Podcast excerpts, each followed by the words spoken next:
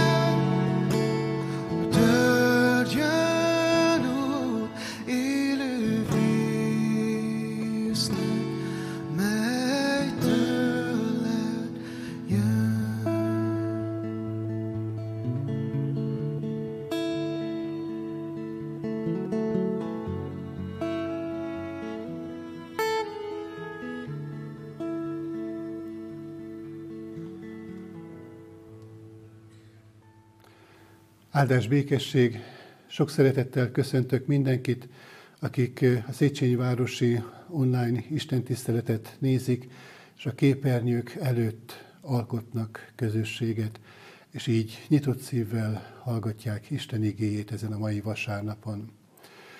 A mai napi újszövetségi ige szakaszunk a János írása szerinti evangélium 13. fejezetében olvasható, a 31. verstől a 38. vers végéig. Hallgassuk nyitott szívvel Isten írott igéjét. Amikor Júdás kiment, így szólt Jézus. Most dicsőült meg az emberfia, és az Isten dicsőült meg ő benne. Ha pedig az Isten dicsőült meg benne, az Isten is megdicsőíti majd őt önmagában, sőt, azonnal megdicsőíti őt. Gyermekeim, még egy kis ideig veletek vagyok, kerestek majd engem, és ahogyan megmondtam a zsidóknak, ahova én megyek, oda ti nem jöhettek. Most nektek is ezt mondom.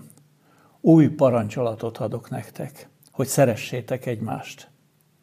Ahogyan én szerettelek titeket, ti is úgy szeressétek egymást. Arról fogja megtudni mindenki, hogy az én tanítványaim vagytok, ha szeretitek egymást. Simon Péter megkérdezte tőle, Uram, hova mégy?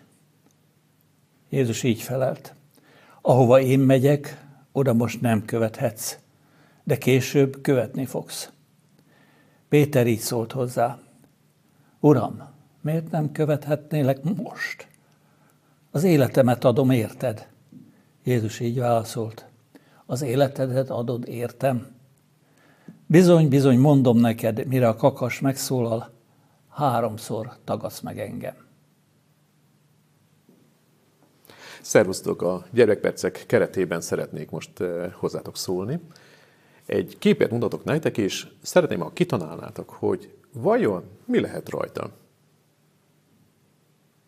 Nos, kitaláltátok? Így van, egy kutyus. Tudjátok, az a helyzet, hogy gyerekkoromban én is nagyon szerettem a kutyusokat. Bizonyára közöttetek is vannak olyanok, akik nagyon-nagyon szeretik. És az a helyzet, hogy volt egy kis aki hasonlóképpen szeretett volna magának egy kis kutyát. És amikor böngészte a e, rovatot, látta azt, hogy eladó kutyusok, kilenc kutyakölyök. Hát ezt azonnal meg kell néznem, szeretnék vásárolni egyet.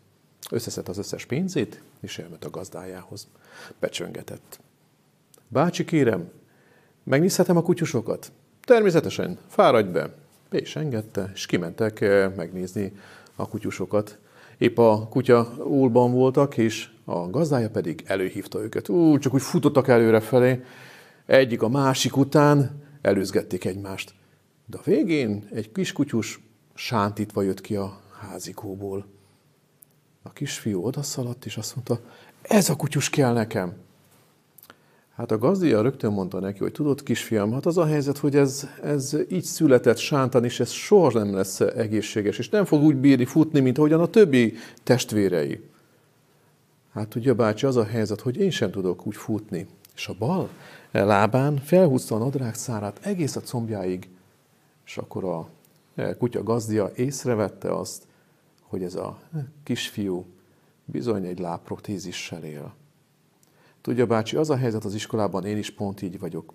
Én sem tudok úgy futni, mint ahogyan az én e, osztálytársaim.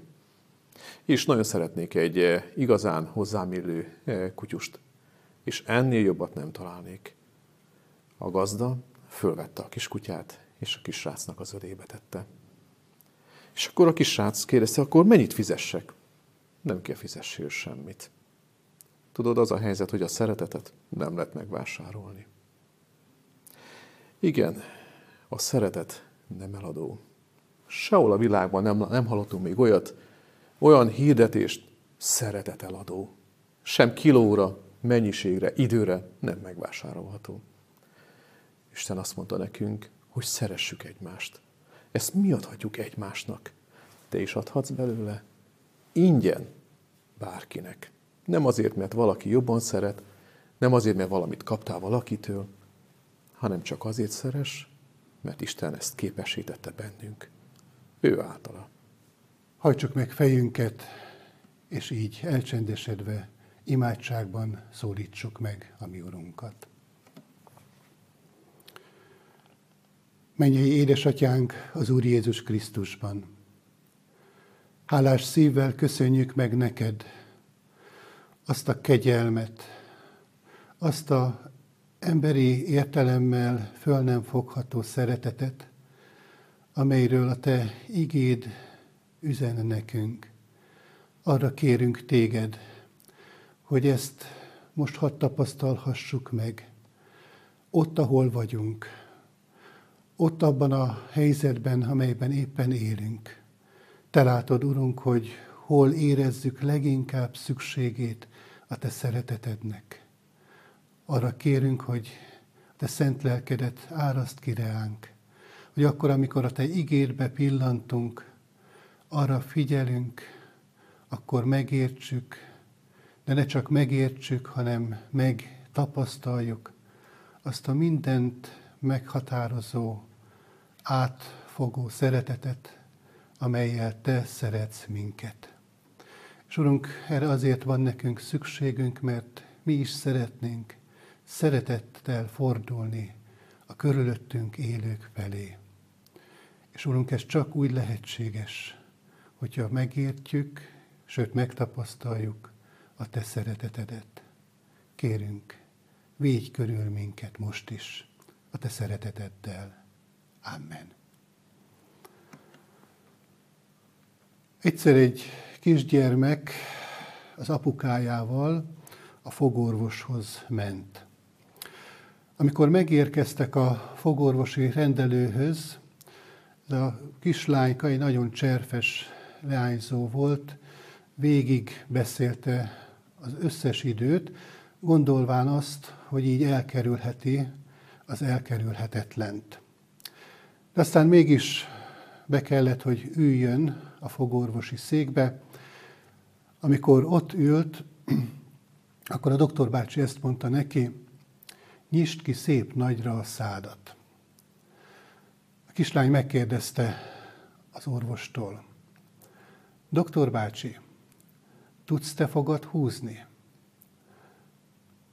A fogorvost kicsit meglepte ez a szokatlan kérdés, és majd kicsit gondolkodva ezt válaszolta, igen, tudok fogat húzni.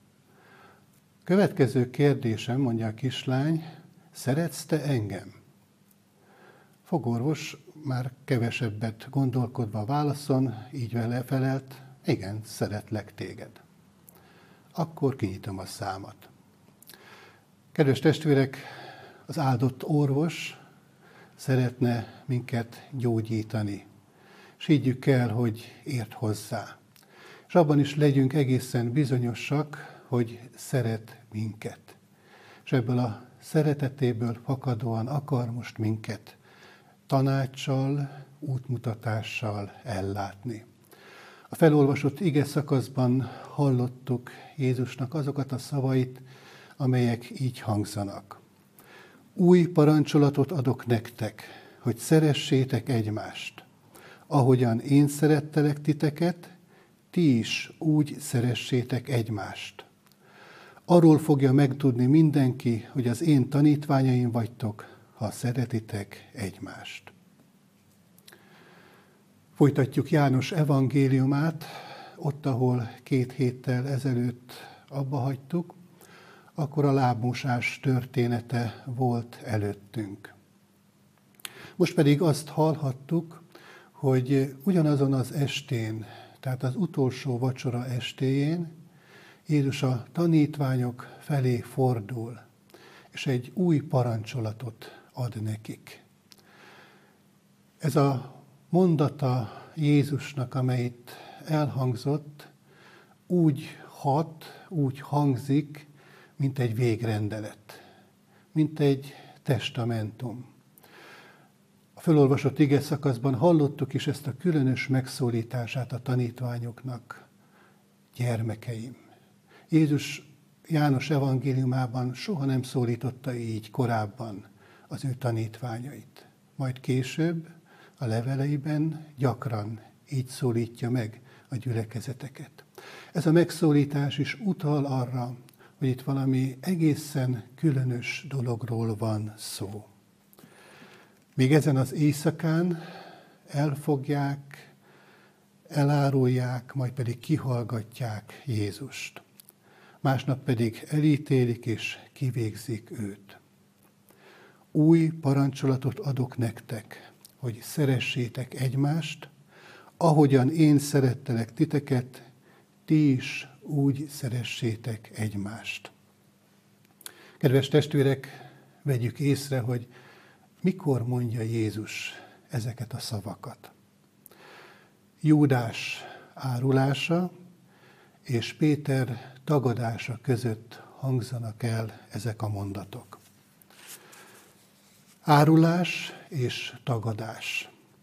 Ebben a sötét keretben hangzik a szeretet nagy parancsa. Meg vagyok róla győződve, hogy nem véletlen ez az elrendezés. Eljött a sötétség órája, ahogy olvashatjuk ezt János evangéliumában. És ebben a sötétségben ragyog föl az evangélium. Jézus új dimenziót ad a szeretetnek. Azt mondja Jézus, úgy szeressetek, ahogyan én szerettelek titeket. Ahogyan én szerettelek titeket, mondja Jézus. Mit jelent Jézusnak a szeretete? Kedves testvérek, mi olyan olcsóvá, olyan könnyűvé tudjuk silányítani a szeretetnek ezt a mondatát. Hát persze, mondjuk magunkban, Jézus szeret. De próbáljuk meg lassan ízlelni, szívünk mélyéig engedni ezeknek a mondatoknak az értelmét és az üzenetét. Gondoljunk csak bele, mit tesznek a tanítványok néhány óra múlva. Szétfutnak, elszaladnak, elárulják, magára hagyják, megtagadják, sehol nincsenek. De Jézus nem a tetteikért szereti őket, mint ahogyan minket sem, ami cselekedeteink miatt szeret a mi Urunk. Egészen más az a szeretet, amelyről Jézus itt beszél. A görög kifejezés egy egészen különös szót használ erre a szeretetre. Ez a bizonyos agapé szeretet, amely akkor is szeret, ha én nem szeretek. Az a szeretet, amelyet Gyökösi Endre így fogalmazott meg, az annak ellenére való szeretet. Most hát Jézus ezzel a szeretettel szereti az övéit. És a kereszt, amely felé halad Jézus, ennek a feltétel nélküli szeretetnek a demonstrációja. Kedves testvérek, ha keresztre nézünk, akkor látjuk Isten szívét, látjuk az ő szeretetét. Az a pont, ahol Jézus oda áldozza a kereszten az életét az egész világ bűneiért, nos, ez az a pont, és nincs más, ahol a mi szívünkbe áradhat az Istennek a szeretete. Most is, ezen a ponton is, ebben a pillanatban is, ennek az Isten tiszteletnek az ideje alatt is. Ez az a pont az életünkben, ahol az Isten szeretete megtapasztalhatóvá lesz számunkra. Ha keresztény vagy, akkor pontosan tudod, hogy miről beszélek. Ha keresztény vagy, akkor át kellett már élned azt, hogy a szívedbe árad ez a szeretet. Lehet, hogy időnként szem elől téveszted. Lehet, hogy ideig, óráig el is feleded, de tudod, hogy miről beszélek. Tudod, hogy erre van szükséged, és ez most erősít téged. De a keresztény gyülekezetre nézve is ez az alapvető tapasztalat kell, hogy legyen a meghatározó. Hogy az ige által, az úrvacsora sákramentuma által a Szentlélek újra és újra elpecsételi a szívünkben azt, hogy mi Isten népe vagyunk ebben a világban, hogy az ő gyermekei vagyunk. Ha ebben nem merülünk bele, akkor nincs miből merítenünk a mi szolgálatunk során. Ha pedig valaki nem tudja, hogy miről van szó, nincs mit felidézni magában, és nem tudod, hogy milyen az, amikor a Szentélek kiárasztja mélyen a szívedben az Isten szeretetét, akkor nem ítélkezve, nem sokkal inkább nagy-nagy szeretettel kell, azt kell, hogy mondjam, hogy még nem vagy Krisztusé. Nem vagy Krisztusé. De ezt nem azért mondom, hogy ezzel pálcát törjek fölötted, hanem már is folytatom a gondolatot, de Krisztusért lehetsz akkor, hogyha a keresztre tekintesz, és ott látod azt, aki minden bűnödet, minden fájdalmadat, minden istentelenségedet, minden nyomorúságodat fölvitte a fára. És kéred tőle, hogy az ő áldozatának áráért ajándékozzon meg téged az ő szeretetével. És ez megtörténhet most is, ezen az Isten tiszteleten is, ott a képernyő előtt ülve is.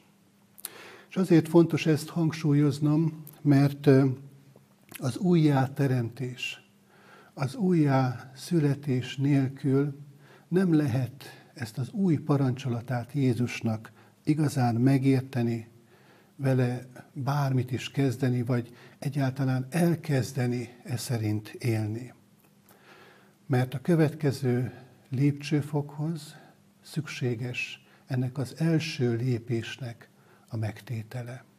És ezután következhet csak az, amit Jézus így fogalmaz, ahogyan én szerettelek titeket, ti is úgy szeressétek egymást.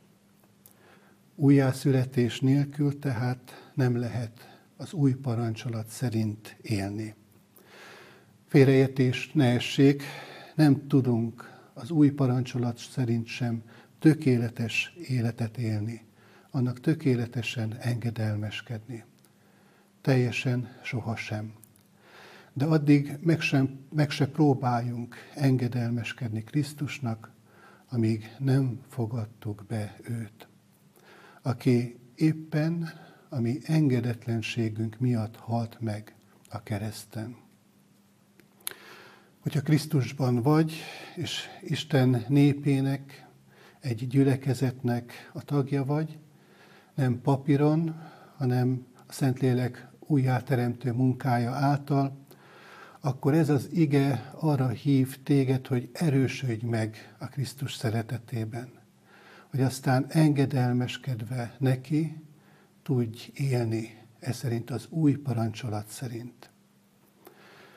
Ezen a ponton talán sokan azt gondolják, hogy szeretet és a parancsolat, ez a két dolog hogyan férhet össze egymással.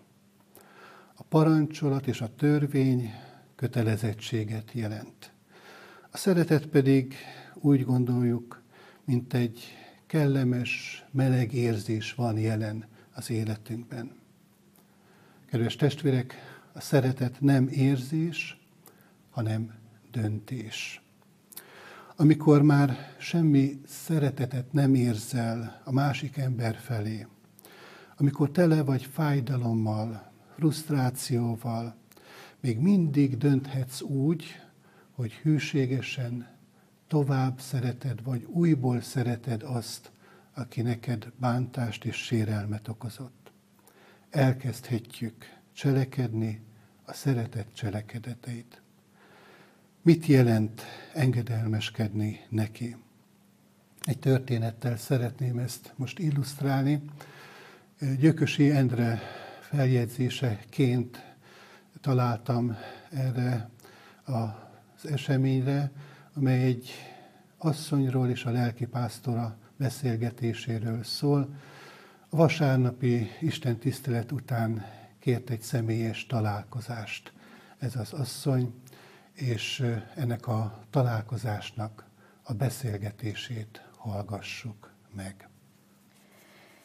Ige hirdetésének egyik mondata hozott ide. Örülök, hogy eljött, foglaljon helyet, s mondja el, mi volt az a mondat. A félretett, összegyűjtött harag felgyülemlik, és azt hiszem így hangsúlyozta, gyűlölet lesz belőle, s azt öli, aki gyűlöl, lassan, de biztosan. Pálapostolt idézte, a nap le ne menjen a ti haragotokon. Erről is szó volt, de gondolom mást is szeretne még mondani. Igen, kérdezni szeretnék. Kétszer elvált asszony vagyok. Mindkét házasságom anyám nehéz természete miatt bomlott fel, akivel együtt kellett laknunk. Nem volt más megoldás.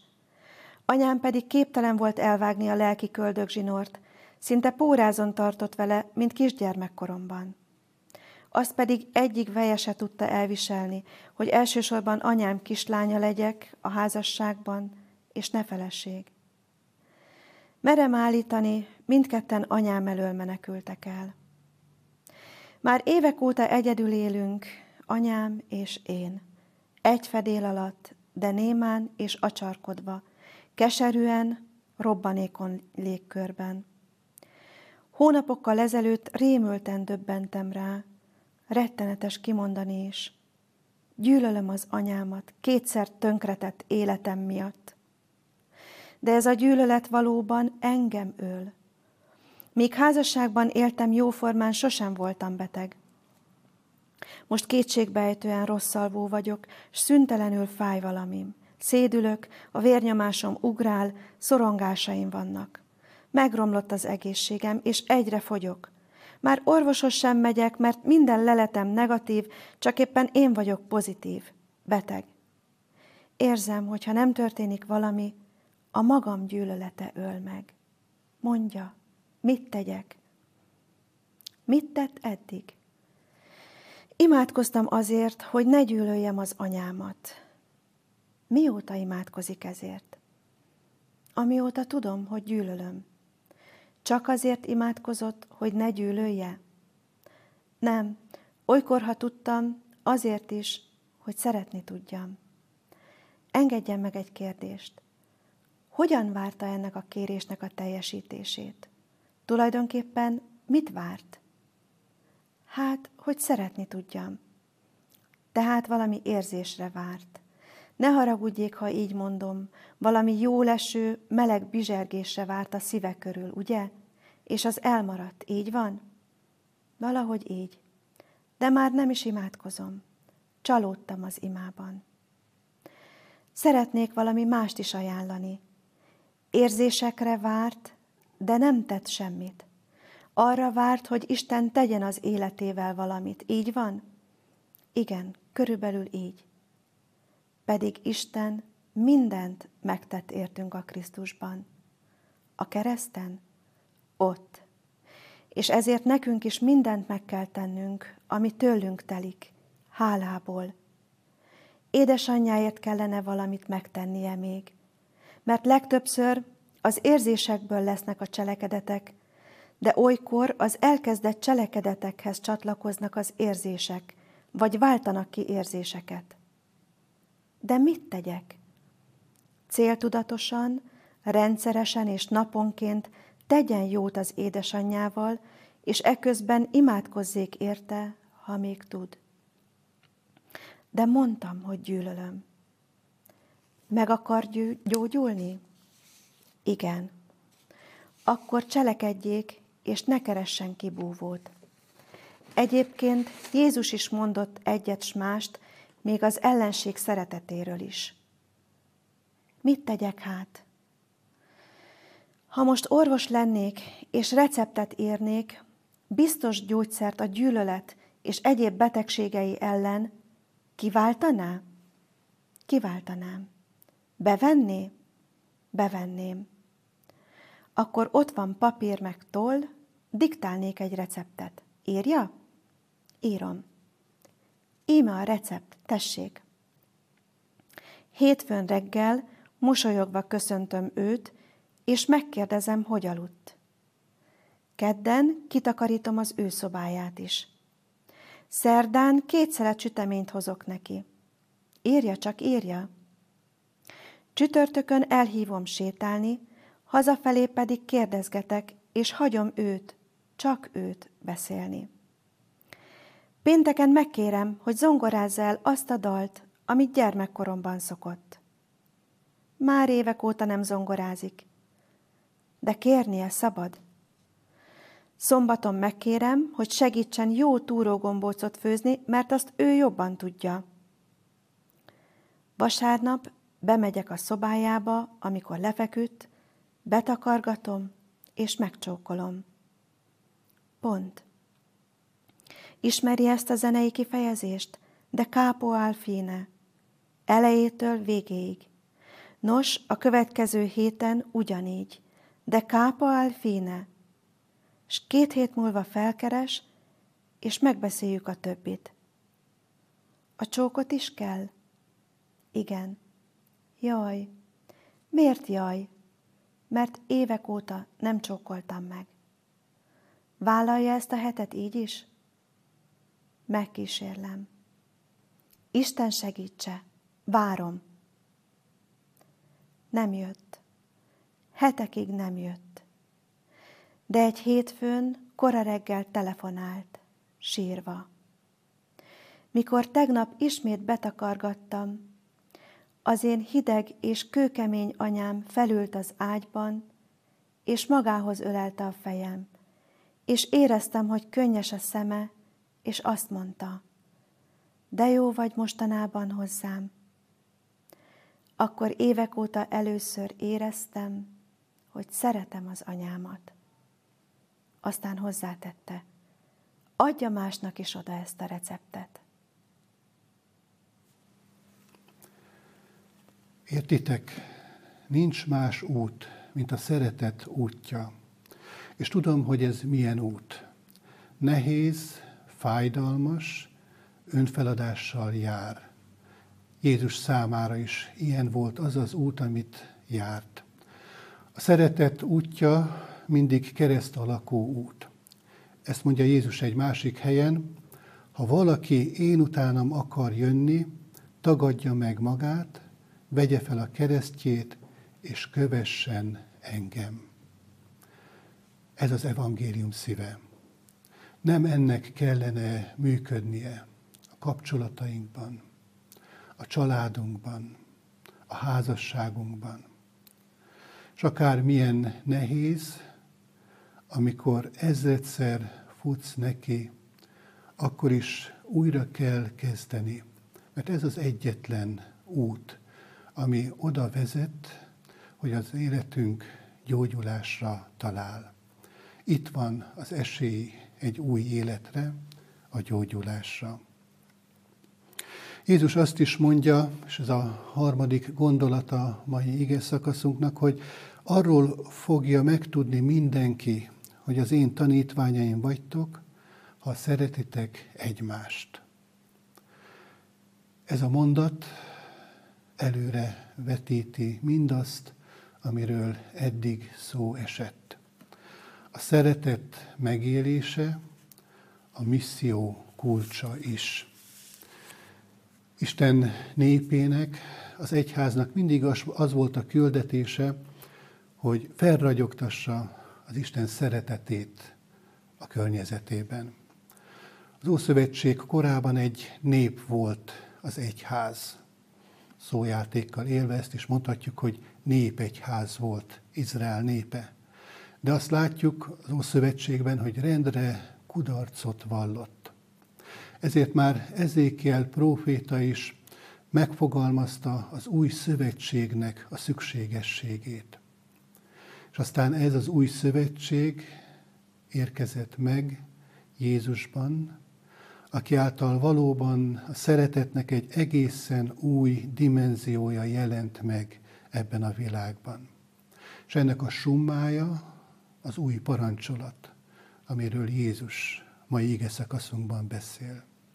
És aztán ez a, az engedelmessége Krisztus követőknek az új parancsolat iránt azt eredményezte, hogy már a korai kereszténység időszakában is sokan felfigyeltek arra, ami történik közöttük. Feljegyzésükből tudjuk, hogy a pogányok is elfogadták, elismerték azt, ahogyan a keresztények élnek, hogy még az ellenségeiket is tudják szeretni. Elkezdte átformálni ez a Krisztusi szeretet azt a világot, ahol a keresztények éltek. És ilyen módon az egyház missziói egyházzá vált. Kedves testvérek, azzal kezdtem az ige hirdetés elejét, hogy ez a mai ige Jézus Krisztusnak a végrendelete, a testamentumá. Hadd hívjam fel a figyelmet arra, hogy Jézus kétszer végrendelkezett. Egyszer, ahogyan a mai ége szakaszunkban olvastuk, a halála előtt. A szeretet parancsát, új parancsolatát adta a tanítványainak. És később is olvashatunk egy végrendeletet, a Máté a végén, amikor mennybe menetele előtt és feltámadása után Jézus a tanítványait megbízza az evangélium hirdetésével, amit úgy ismerünk, hogy missziói parancs. Ez a kettő nincs ellentétben egymással, sőt, nagyon is egymásra épül. Először a szeretet parancsát kell élni, és ezután van esélye annak, hogy a missziói parancsban is tudjuk Isten akaratát véghez vinni. Kedves testvérek, adja Isten, hogy az ő missziójának eszközei lehessünk ebben a világban, a szeretet forrására találva, és a szeretet parancsának engedelmeskedve. Amen. Hagyjuk meg fejünket, és így elcsendesedve imádságban szólítsuk meg a mi Urunkat. Mindenható mennyi atyánk az Úr Jézus Krisztusban. Hálás szívvel köszönjük meg neked azt a kegyelmet, amelyben most is részünk lehetett, hogy a te igéd megszólított minket, hogy azon keresztül a szívünkhöz akarsz szólni, hogy azon keresztül formálni akarod a mi életünket, hogy azon keresztül döntésre hívsz minket, hogy a Te igéd útmutatása szerint vezeted a mi életünket, és elárulod számunkra annak titkát is, hogy hogyan gyógyulhat meg a mi megsebzett életünk. Úgy, hogyha rád tekintünk a szeretet forrására, és engedjük azt, hogy átjárjon egészen minket a Te szereteted. És Urunk, ennek a forrása a kereszt amire most is lélekben tekintünk, és tapasztalhatjuk azt, ahogyan a Szentlélek megérteti velünk a Te végtelen kegyelmedet, és arra késztet minket, hogy fogadjuk el. És Urunk, hogyha megtörténik mindez velünk, akkor hálás lesz a szívünk. És hálából fakadóan mi is akarunk szeretni. Akarjuk szeretni egymást, akarjuk szeretni a ránk bízottakat, akarjuk szeretni azokat is, akik nem szeretnek minket. És Urunk, valamit megtapasztalhatunk abból a fajta szeretetből, amivel Te szerettél minket, a készek vagyunk neked, a Te új parancsolatodnak engedelmeskedni. Könyörülj meg rajtunk, Urunk, hogy valóban a Te szereteted áradhasson rajtunk keresztül. És erre most különösképpen is nagy szüksége van ennek a világnak. Hiszen annyiféle nehézség, annyiféle fájdalom, annyiféle félelem van körülöttünk. Hisszük, Urunk, azt, hogy a Te szereteted űzi ki a félelmet.